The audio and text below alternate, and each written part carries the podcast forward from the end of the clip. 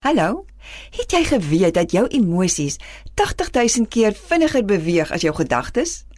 Nou kan ek nogal mooi verstaan hoekom ons emosies altyd so maklik die oorhand oor ons kry.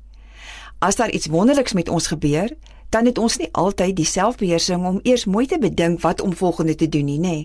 Ons reageer sommer net. Interessant om te weet dat alle verstandige en praktiese denke kom in ons senuweesentrum aan lank nadat die emosie homself uitgedruk het. Dit nou as gevolg van die geweldige spoed van ons emosionele reaksies. En ja, selfs Christene sukkel met die ene. Ook hulle tree maklik van dit hul gevoelens op en nie van net 'n beginsel nie.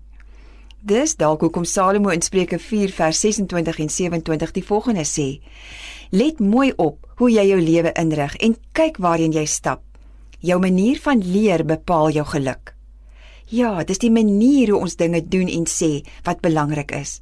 Daarom is dit dalk goeie raad om eers voordat jy groot besluite neem, ten minste 72 uur daaroor te bid. Dit klink lank, maar wat is 3 dae nou in vergelyking met 'n leeftyd se hartseer? Ag, waak teen woedeuitbarstings. Dis dalk die grootste seermaakmiddel op hierdie aarde. My ma het altyd vir ons geleer om tot 10 te tel as jy kwaad word. Soms is ons vlees net nie lus om te luister nie, nê. Jy ontplof en is altyd agterna spyt. Die punt is, wag maar liewer altyd voordat jy reageer.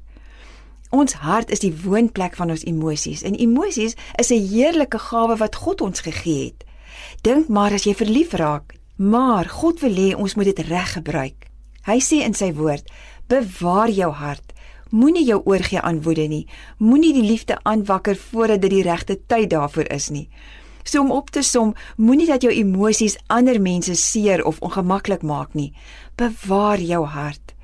Kyk ook wat sê Paulus in 2 Timoteus 1:7.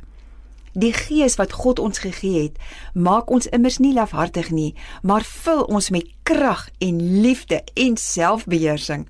O, selfbeheersing, Dis die sleutelwoord, hoor. Onthou, God gee ons sy gees om ons te help om ons emosies te bestuur. Dis 'n genadegawe van God self. Ons moet dit dus in ons lewe kan toepas.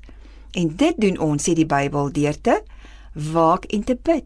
Daar's so 'n ou kinderliedjie met die woorde: "Lees jou Bybel, bid elke dag, want dit gee jou krag." En dis werklik waar. Ag, kom ons vra ons Hemelse Vader om ons hiermee te help toe. Vader, baie dankie vir die emosies wat U my gegee het. Help my asseblief om selfbeheersing te hê sodat ek nie ander mense met my optrede en woorde seermaak nie. Amen.